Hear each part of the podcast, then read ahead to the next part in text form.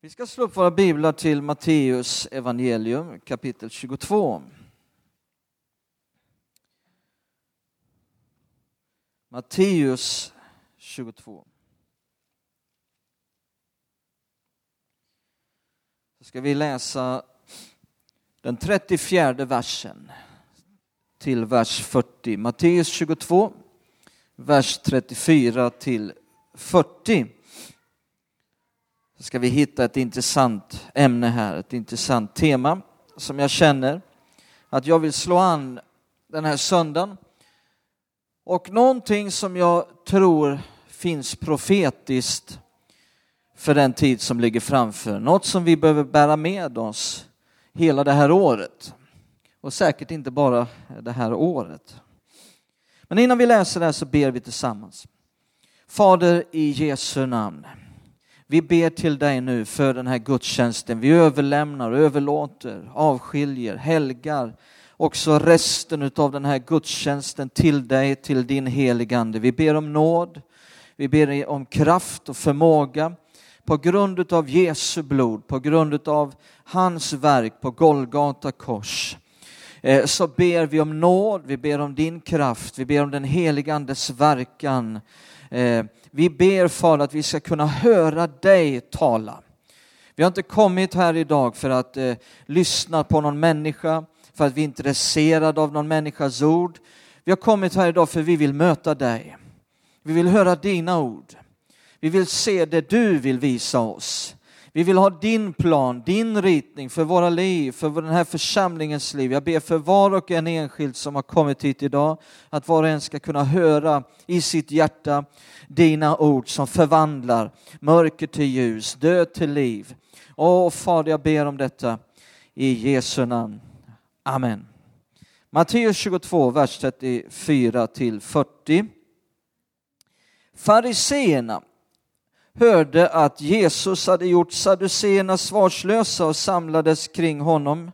En av dem, en laglärd, ville sätta honom på prov och frågade Mästare, vilket är det största budet i lagen? Han svarade, du ska älska Herren din Gud av hela ditt hjärta, av hela din själ och av hela ditt förstånd. Detta är det största och främsta budet. Sedan kommer ett som liknar det.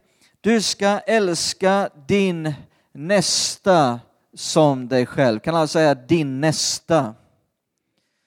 Där har vi temat.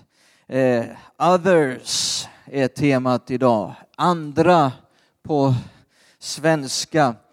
Eh, och det Jesus använder, det ordet han använder så många gånger genom evangelierna är ju din nästa.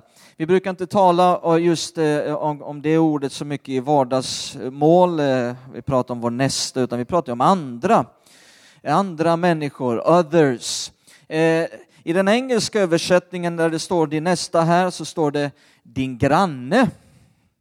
Så det är temat här idag, others, andra, din nästa, din granne. Du ska få det grekiska ordet till och med, pleison kan vara helt feluttalat, men det är så. Och eh, det grekiska ordet här betyder nära. Det vill säga, det handlar om människor som är nära dig, en person som är nära dig. Det kan vara din granne, det handlar om andra människor. Eh, det här temat då, others, andra, är det då viktigt? Ja, enligt Jesus så är det här det viktigaste. Han säger att på det här budet, tillsammans med det första budet, eh, så hänger hela lagen och profeterna, hela det gammaltestamentliga förbundet hänger på detta. Så det måste vara något väldigt viktigt som vi talar om den här förmiddagen. Vi skulle också kunna säga i vår tid att hela den här församlingens liv och framtid hänger på detta att vi förstår vad det är Jesus säger här och att vi lever i detta och att vi gör detta. Eh, Jesus han, eh, vi kan läsa ungefär samma berättelse då fast i Lukas evangelium kapitel 10. Lukas 10 så har vi någonting liknande. Lukas 10, vers 25.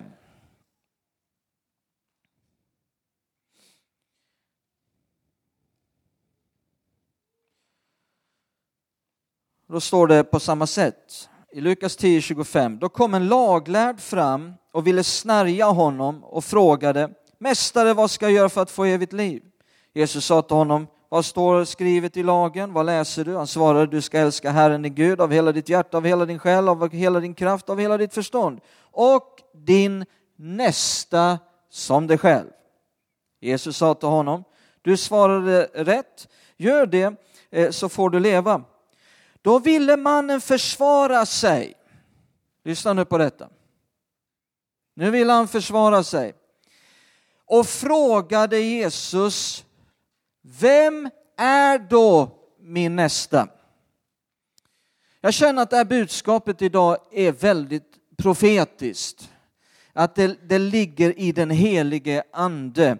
Eh, jag gick med det här i, i december månad och man eh, funderar ju naturligtvis på vad, vad ska man eh, ta på årshögtiden, den här gudstjänsten. Eh, vad är det för ett budskap man vill ha, liksom det rätta budskapet. Eh, och, och, det finns mycket mänskliga tankar man kan få, det finns mycket som eh, hjärnan kan producera och tänka sig att det här vore bra att säga, det här vore jättebra. Eh, men så lyssnar man på insidan, vad, vad är det för något som, kom, som kommer där? Och, och, och då var det det här budskapet andra, andra, andra människor. Och sen den sista dagen vi hade på kontoret här innan, innan jul, fredagen där, så gick jag in till Martin och, och Simon och, och så sa jag mitt tema där den här söndagen kommer att vara others. Men, sa Simon, det var ju mitt tema förra årshögtiden. Jag var inte här då, vi hade precis flyttat hit och vi hade landat bland massa banankartonger så vi, vi var inte här eh, den årshögtiden förra året. Eh, och jag visste inte vad Simon hade haft för tema på den appellen han hade, men han hade haft precis samma tema. Och nu dök det upp igen. Jag tror inte att det är av en, en olyckshändelse, en ren tillfällighet, utan det finns någonting i den helige ande som Gud vill få fram. Others andra människor. Det är det det handlar om. Det är någonting Gud vill få fram till oss. Är du med? Eh, och här säger Jesus det här, gör detta så får du leva. Eh, den här laglärde, det är väldigt tydligt att han ville hålla lagen. Ni kan slänga upp den första bilden här. Det är mitt första, alla andra människor. Det är väldigt tydligt att den här laglärde, han ville hålla lagen. Men han var inte lika intresserad utav att intressera sig för andra som han var att hålla lagen. Han ville begränsa, när han ställde den här frågan, ja visst vi ska älska vår nästa som oss själva, men, men, men vem, vem är då min nästa? Så han ville begränsa den egentliga betydelsen utav ordet nästa. Vem är min nästa? Han ville att Jesus eh, skulle dra en gräns och förklara vilka han behövde älska och vilka han inte behövde älska. Eh, han kände antagligen så här att eh, de enda han kunde intressera sig för var sig själv, sin familj, sina vänner, och möjligtvis andra laglärda. De kan jag älska som mig själv. Ehm, eh, alltså hans fråga egentligen var inte vem är min nästa, utan egentligen så är det vem är inte min nästa? Är du med? Det är egentligen det han vill få reda på. Det kan väl i alla fall inte vara terrorister eller religiösa fundamentalister. Det kan väl i alla fall inte vara eländiga människor, barnmisshandlare, knarkare. Det måste väl finnas någon gräns här. Eh, titta vad Jesus håll ditt, Du kan hålla ditt finger där, vi ska snart komma tillbaka och få Jesus svar. Men titta innan här i Matteus 5. Matteus 5. Och vers 43. Matteus 5 och 43. Och säger Jesus så här, ni har hört att det är sagt, du ska älska din nästa och hata din ovän. Jag säger er, älska era ovänner och be för dem som förföljer er. Dina ovänner. Det här gäller alla andra människor.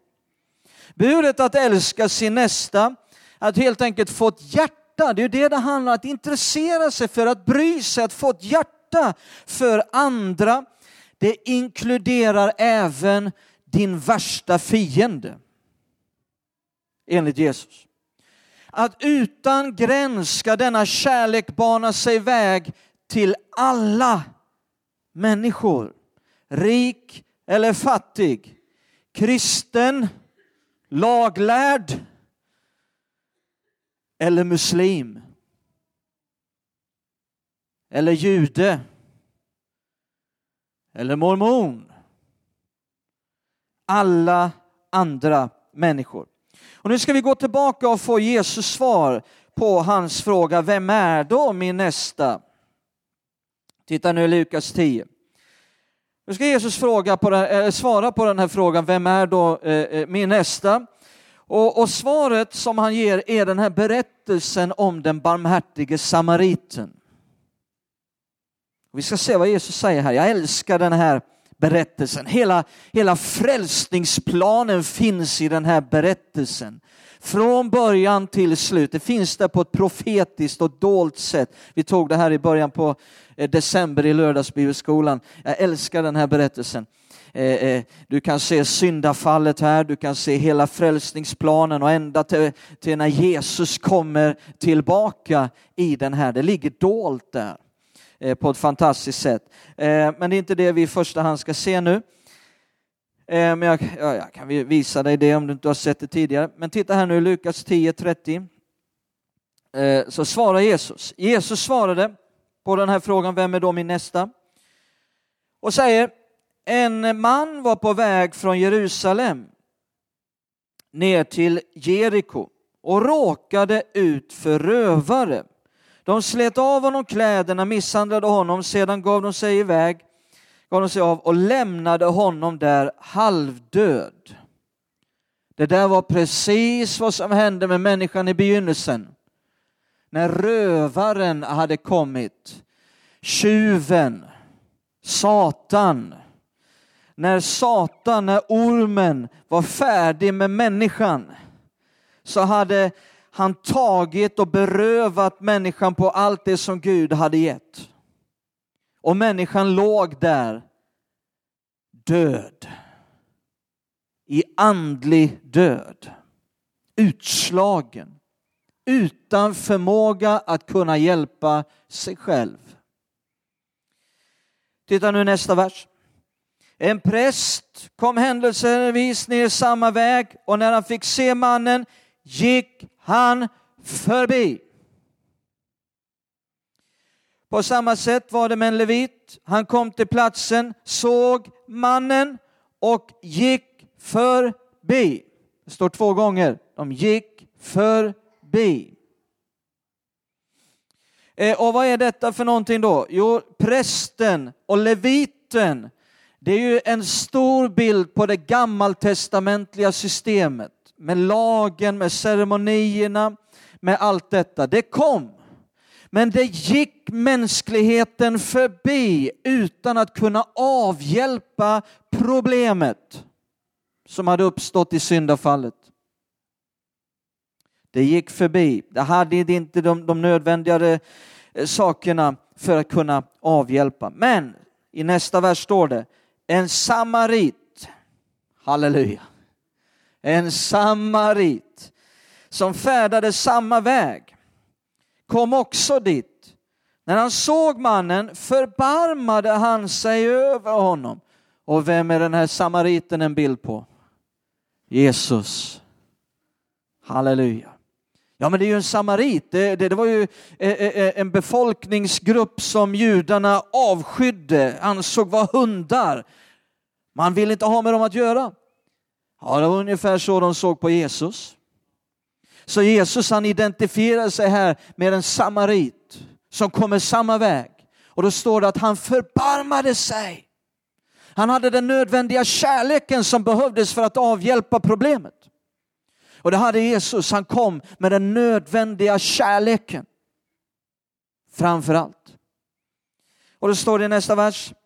Han gick fram till honom, hällde olja och vin i hans sår och förband dem. Sedan lyfte han upp honom på sin åsna, förde honom till ett värdshus och skötte om honom. Här står det att han hade olja och vin. Han hade inte bara den nödvändiga kärleken som behövdes utan han hade också själva resurserna, redskapen, han hade olja och vin som kunde avhjälpa det här problemet. Och vad är olja och vin symboliskt för i Bibeln? Ja, olja, den helige ande. Vin, ja det kan vara den helige ande också, men det är också en symboliskt för Guds ord i skriften. Eh, så Jesus han hade inte bara den nödvändiga kärleken utan han kom också fylld utav Guds ande och fylld utav Guds ord och avhjälpte. Frälsning, räddning kom till människan. Och så tog samariten den här till ett värdshus. Och så står det vidare i nästa vers, vers 35. Nästa dag tog han fram två denarer och gav åt värdshusvärden och sa, sköt om honom och kostar det mer ska jag betala när jag kommer tillbaka. när jag kommer tillbaka. Eh, här har vi värdshuset och värdshusvärden. Vad är det då? Jo, de som genom Jesus blir frälsta får nu komma in i församlingen och skötas om. Så värdshuset är en bild på församlingen, värdshusvärdet är en bild på den helige ande. Eller hur? Den helige ande som nu tar hand om och hjälper dem som har blivit frälsta på grund av Jesus. Eh, och sen så talar Jesus här om att eh, samariten talar om, jag ska komma tillbaka. Och är du glad att Jesus ska komma tillbaka? Så här ser du hela frälsningsplanen från begynnelsen till att Jesus kommer tillbaka. Men nu är inte det vi i första hand vill se, utan det är själva det här svaret. Och då står det i nästa vers, vers 36. Vem av dessa tre tycker du var en nästa för mannen som hade råkat ut för rövare? Han svarade den som visade honom barmhärtighet och sa Jesus till honom, gå du och gör som han. Eh, här eh, ser vi nu att det gammaltestamentliga lagen och prästerskapet gick mänskligheten förbi. Obemärkt. Det gick mänskligheten obemärkt förbi utan att kunna avhjälpa problemet. Må vi då som nytestamentlig församling i Skövde inte gå samhället obemärkt förbi.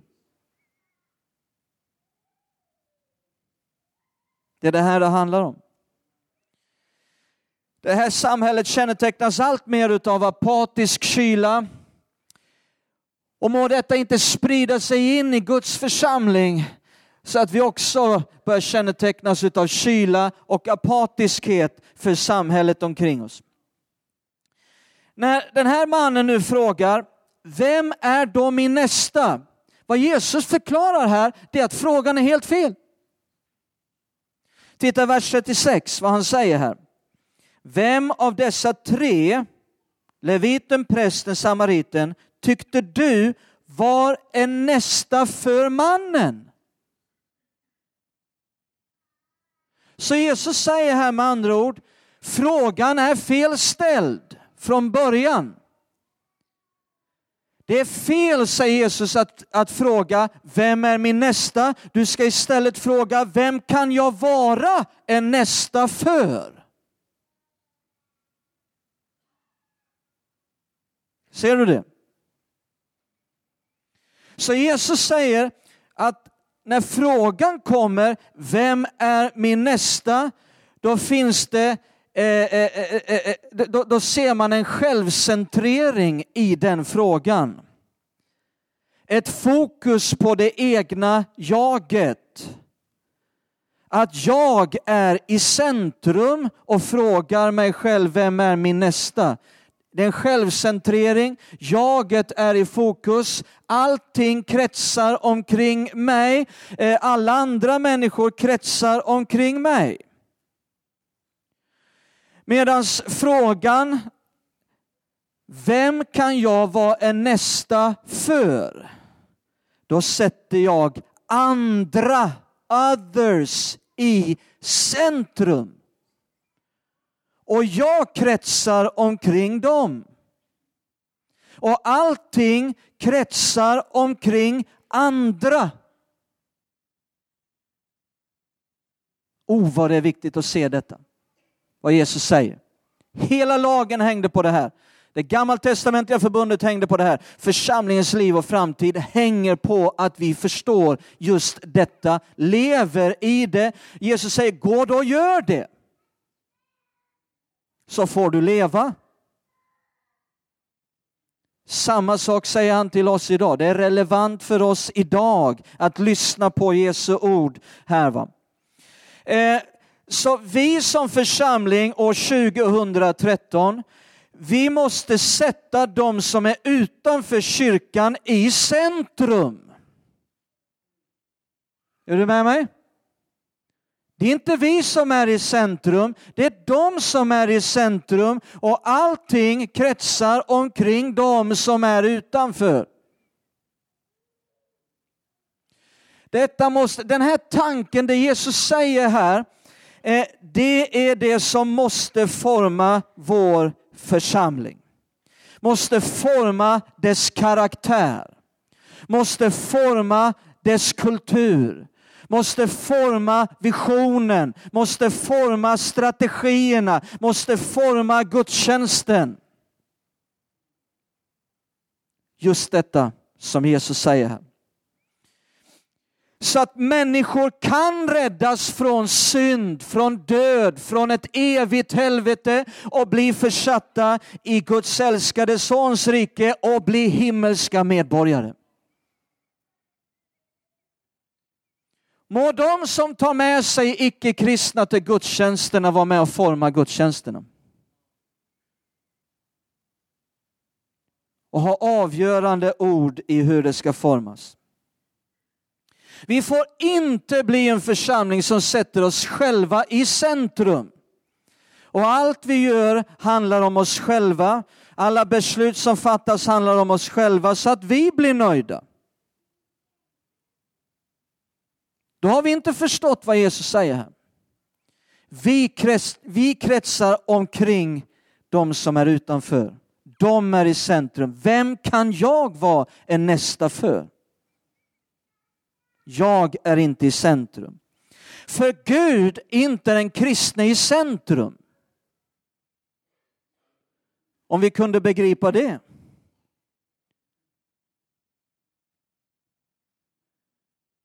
När Jesus sa att han lämnar de 99 för den som är förlorad. Tänk om vi kunde begripa det på djupet. Där hela vårt hjärta bara fylls av det. Eh, när vi gick in i 2012, i januari för ett år sedan, så på bönemötena så satte vi upp ett mål att låt oss be för 20 stycken döpta 2012.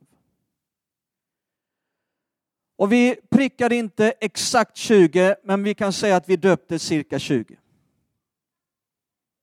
Den första vi döpte var i början på februari, tror jag det var. Eh, någonstans där. Och jag tror vi döpte sju på våren. Efter sommaren så ökade takten och vi, vi fick döpa, jag tror elva stycken. Från augusti, under fyra månader så döpte vi elva sen. Eh, så vi fick döpa cirka 20 stycken. Och nu känner jag, den här församlingen har bara två gånger döpt mer än 30.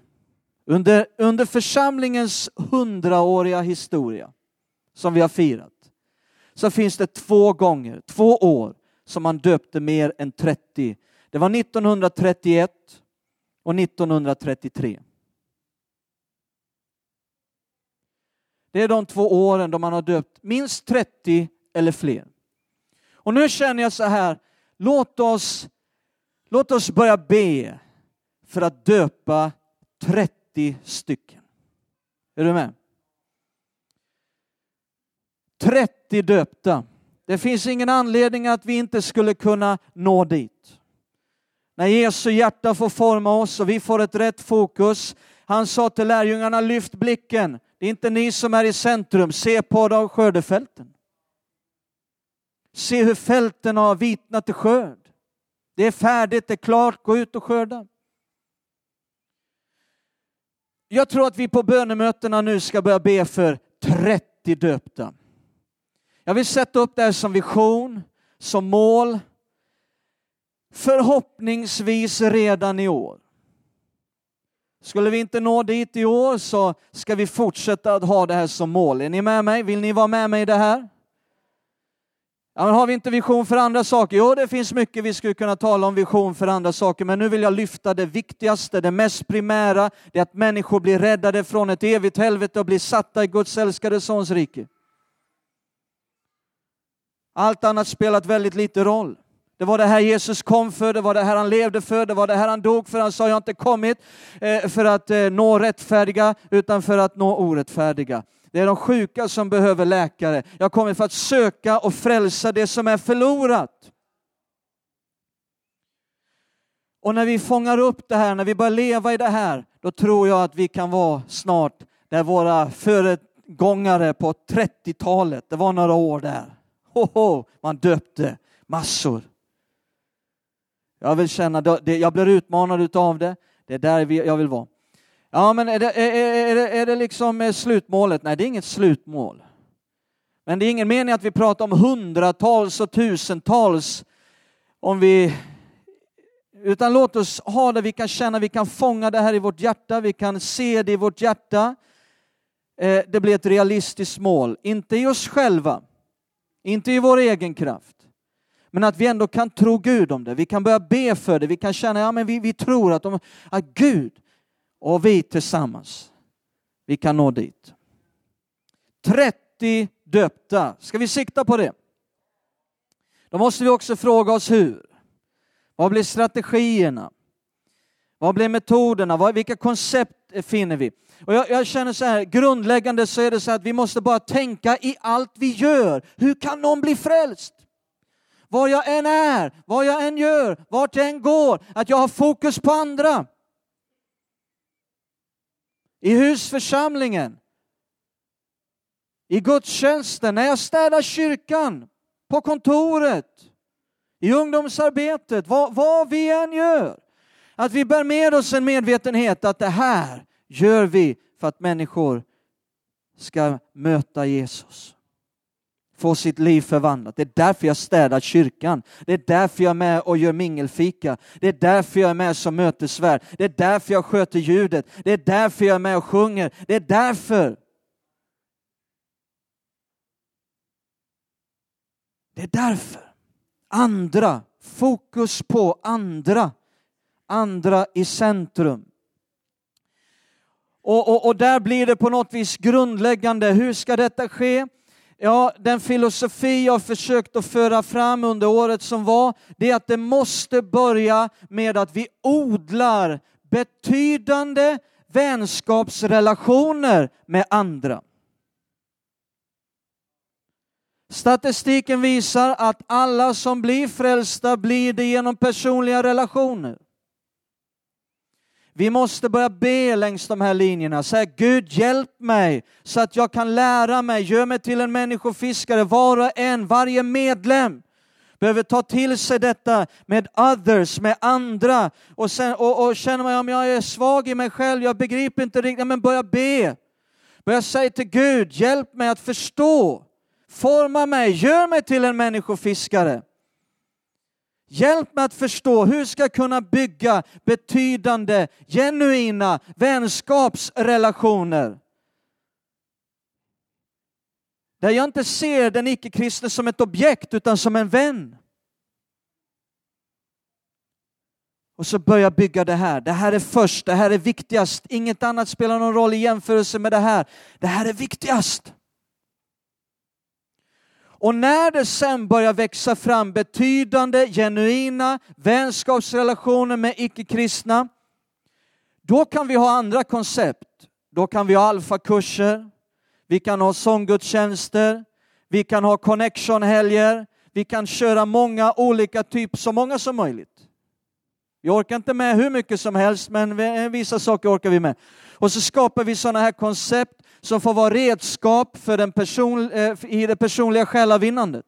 Att när man har fått en kontakt, man har odlat en relation under en tid och, och någon människa är nyfiken på kristen tro så kan man säga vi har alfakurser i kyrkan. För de som är nyfikna på kristen tro, kanske att du skulle vara med. Det blir så mycket enklare när det finns de här vänskapsrelationerna. Då kan man bjuda med sig till en connection-helg, då kan man bjuda med sig. Då kan man erbjuda. Är ni med? Jag vill inte ta det här för djupt och för ingående, men jag vill bara nämna de här sakerna. Men det vi framför allt är, eh, ska göra det är att be för detta. Gud, Gud, du måste göra det. Vi förmår inte att föra en enda människa till tro. Jesus sa, ingen kan komma till mig om inte Fadern drar honom. Om inte den helige Ande övertygar och ger ljus. Du måste göra det. Ge oss kraft. Och vi är inte ute efter statistik i första hand, utan varje människa är dyrbar. Varje vittnesbörd bland dem som man döper är så dyrbart, är så underbart, betyder allt. Ett förvandlat liv.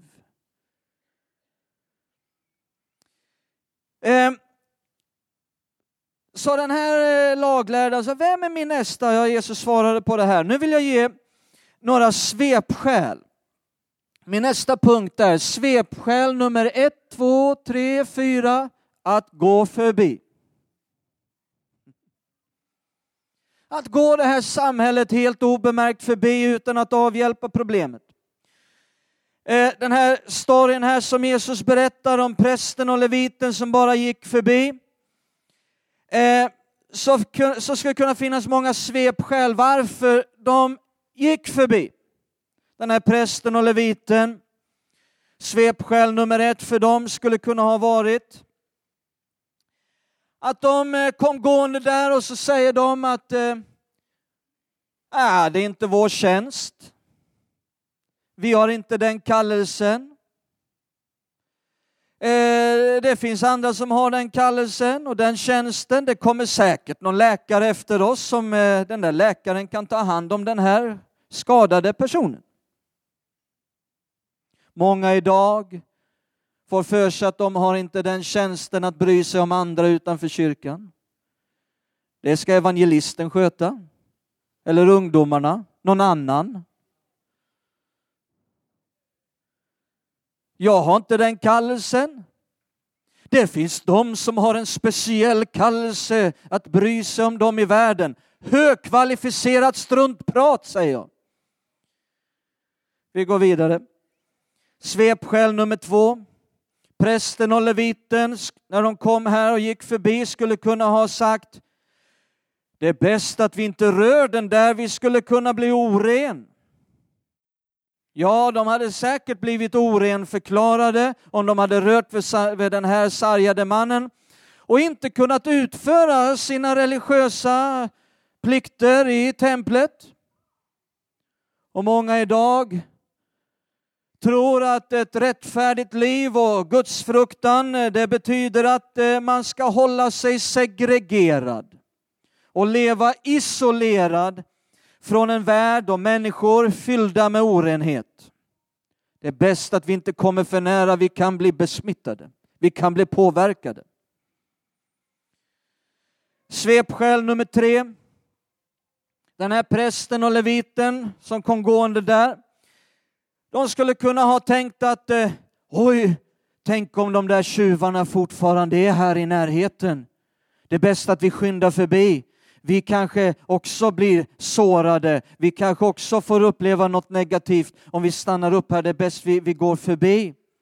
Och många idag eh, eh, kan börja tänka så här att eh, det är bäst att eh, jag inte blir för känslomässigt engagerad. Man kan bli utnyttjad. Man kan bli sårad på kuppen. Det är bäst att hålla lite avstånd Då inte bli för känslomässigt involverad. Vissa av dem där kan vara parasiter. Man blir utnyttjad. Jag kan bli sårad utav det. Nummer fyra, svepskäl nummer fyra.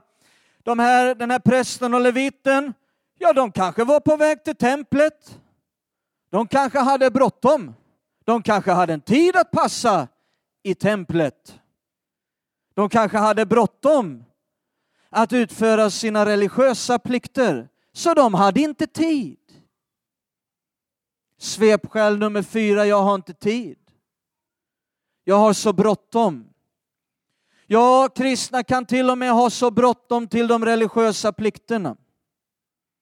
De kan bli så engagerad utav sitt religiösa liv och bli så engagerad i kyrkan så man har inte tid att bry sig. Och sätta dem där utanför i centrum. Och allt måste kretsa omkring dem. För de här, för prästen och leviten, eh, så var människor i nöd ett problem. De blev besvärade utav det. Det var jobbigt att bli avbruten och besvärad. Och det kan människor i vår tid också känna att de där människorna där utanför, det, det är bara ett problem. Som man blir besvärad utav. Som man blir jobbigt avbruten. Det kom inte lägligt det här problemet. Just men varför ska han ligga här nu? Det kom ju inte lägligt. Han kunde väl ha, ha, ha blivit överfallen av tjuvare på vid ett mer lägligt tillfälle. Och så kommer vi in på min sista punkt. Svepskäl nummer fem, att gå förbi. ja, vad kan detta handla om? Jag tyckte det där var en bra bild. Jag vet inte vad det har med min punkt att göra, men jag tyckte bara det var en bra bild. Nej, jag bara skojar. Eh, det här handlar om det här svepskälet som människor kanske inte tänker sig ett svepskäl först vid en första anblick. Men har du hört, Jesus säger här, älska din nästa, andra, som dig själv. Och då är det många människor, jag, jag, eh, kanske du också har hört det här, som säger, ja, Jesus sa att jag ska älska andra som mig själv. Men då måste jag ju älska mig själv först. Och jag har ju sådana problem att älska mig själv. Jag kan inte älska mig själv. Så Jesus, jag är ledsen att jag kan inte älska andra, för jag kan inte ens älska mig själv. Och man måste ju älska sig själv först för att kunna älska andra. Är det någon som har hört det förut? Och du vet, varje gång jag har hört det där genom åren så är det alltid någonting som har stört mig här inne. Till att börja med visste jag inte varför, men det var alltid någonting som störde mig i min ande. Jag kunde inte riktigt sätta fingret på det, men, men, men jag kände, men hallå här, det är ju som om Jesus själv behövde undervisas.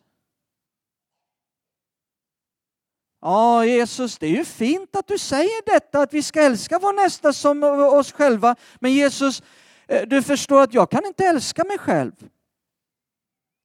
Så det är ju tråkigt att Jesus verkar inte förstå detta. Du förstår Jesus att det är många som inte kan älska sig själva. Så de kan inte göra det du säger. Synd att inte Jesus förstod detta. Märker du här att Jesus verkar ta för självklart att alla människor älskar sig själva? Eller hur? Han lägger inte till någonting här om, om det här andra som andra människor försöker säga som inte står här. När Jesus förklarar här att alla människor älskar sig själva, faktum är att hela Bibeln verkar ta det för givet. Titta här i Efesierbrevet 5. Efesierbrevet 5.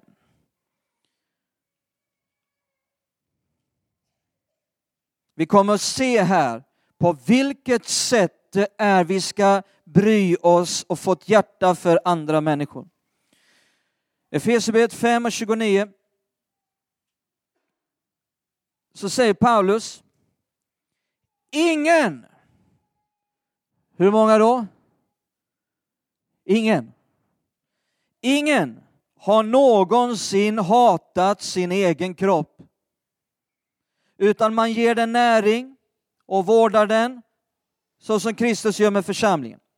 Med andra ord, alla älskar sig själva. Ingen har någonsin hatat sin egen kropp. Jesus förklarar att alla människor älskar sig själva och att detta är inte fel. Han säger inte att det är fel. Nej men Sven, jag älskar inte mig själv. Det bara är så Sven. Jag tycker att jag är, ett, är så misslyckad. Jag är ett fiasko. Jag är en sån dålig människa. Jag är besviken på mig själv. Jag älskar inte mig själv Sven. Jo då, det gör du visst det. Det du talar om nu är självförtroende och självkänsla. Och vi måste skilja mellan självförtroende, självkänsla och självkärlek.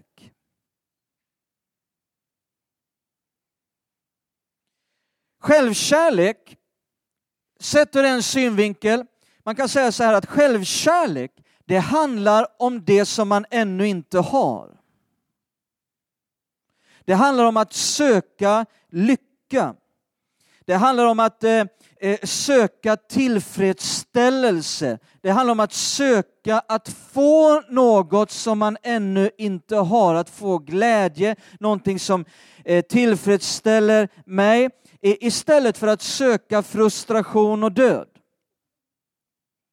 Och detta gör att man ger sin kropp mat.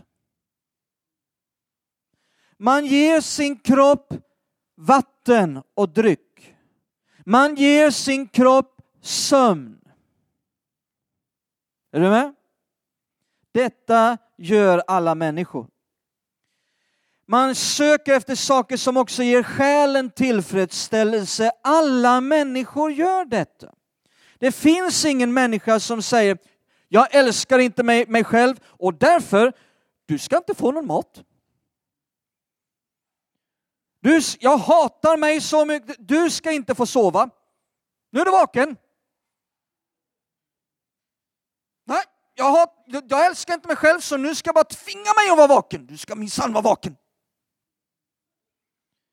Nej, självkärleken handlar om att, att ge detta till sig själv. Mat, dryck, sömn också för saker, för så självkärlek handlar om det som man ännu inte har, medan självförtroende och självkänsla handlar om det som nu är. Nu har jag en för stor näsa. Tur inte alla har så stora näsor som jag. Nu har jag inte det och det. Nu kan jag inte det och det. Nu, nu är jag så här. Och det handlar om det som nu är. Är du med mig? Eh, alla människor älskar sig själva, söker sitt eget bästa, sin egen lycka. Till och med den mest deprimerade människa med den sämsta självkänsla älskar sig själv. Jag har själavårdat många människor genom åren med de sämsta självförtroende och de värsta depressionerna. Och anledningen att man söker själavård, det är att man vill slippa depressionen. Man söker att få någonting. Det är självkärlek som driver det och det är inget fel. Till och med den som skär sig själv älskar sig själv.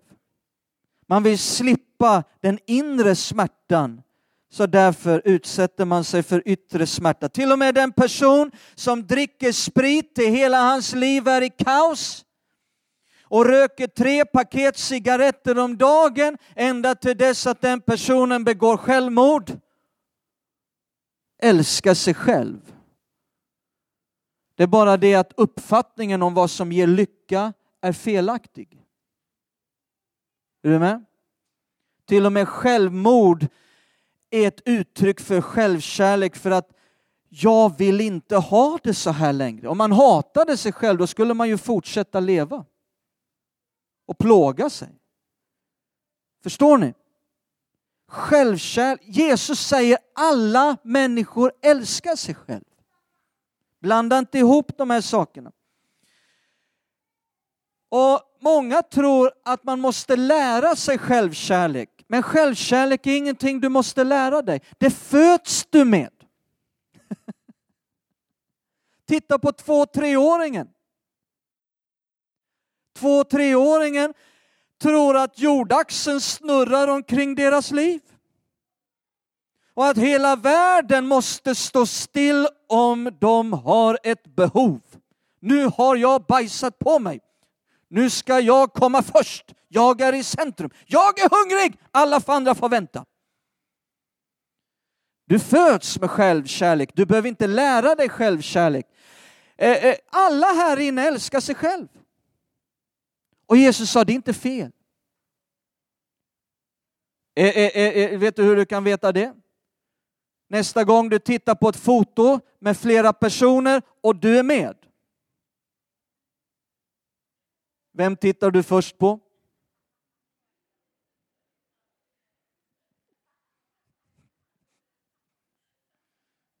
Nej, Sven, jag sveper med blicken.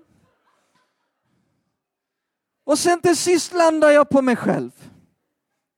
Nej, du stirrar på dig själv i 15 sekunder innan du upptäcker att det var ju andra med på fotot. Du kanske inte tycker om hur du såg ut på fotot, du kanske säger usch vad ful jag var. Ja, det är självförtroende, men här har vi uttryck för att du älskar dig själv. Du kanske inte har självförtroende, men du älskar dig själv.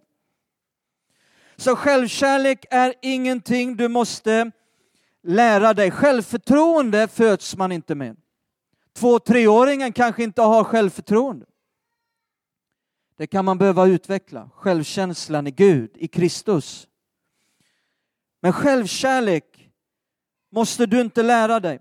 Och vad Jesus nu säger, det jag vill bara avsluta med det här.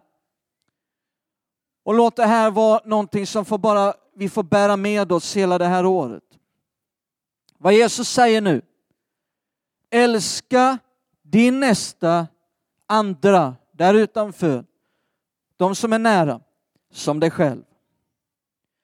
Vad han säger då med andra ord är att lika mycket som du söker din egen tillfredsställelse, lika mycket som du söker att få för din egen lycka, för ditt eget välmående, lika kreativ som du är för detta, lika energisk som du är för detta, Eh, eh, lika mycket som du har fokus på detta, lika överlåten som du är till det, lika mycket som du offrar tid och pengar för ditt eget välmående, för din egen lycka, för din egen tillfredsställelse, lika mycket var energisk för andra. Lika mycket var kreativ för andras välmående, andras lycka, andras tillfredsställelse. Lika överlåten. Offra lika mycket tid och pengar för att andra ska må bra och finna lyckan, finna tillfredsställelsen i Jesus. Det är det Jesus säger. Och det är det som jag vill bara skicka med oss det här året som nu finns framför. Vi ska fira Herrens måltid tillsammans. Och jag vill lämna över här till eh, en sång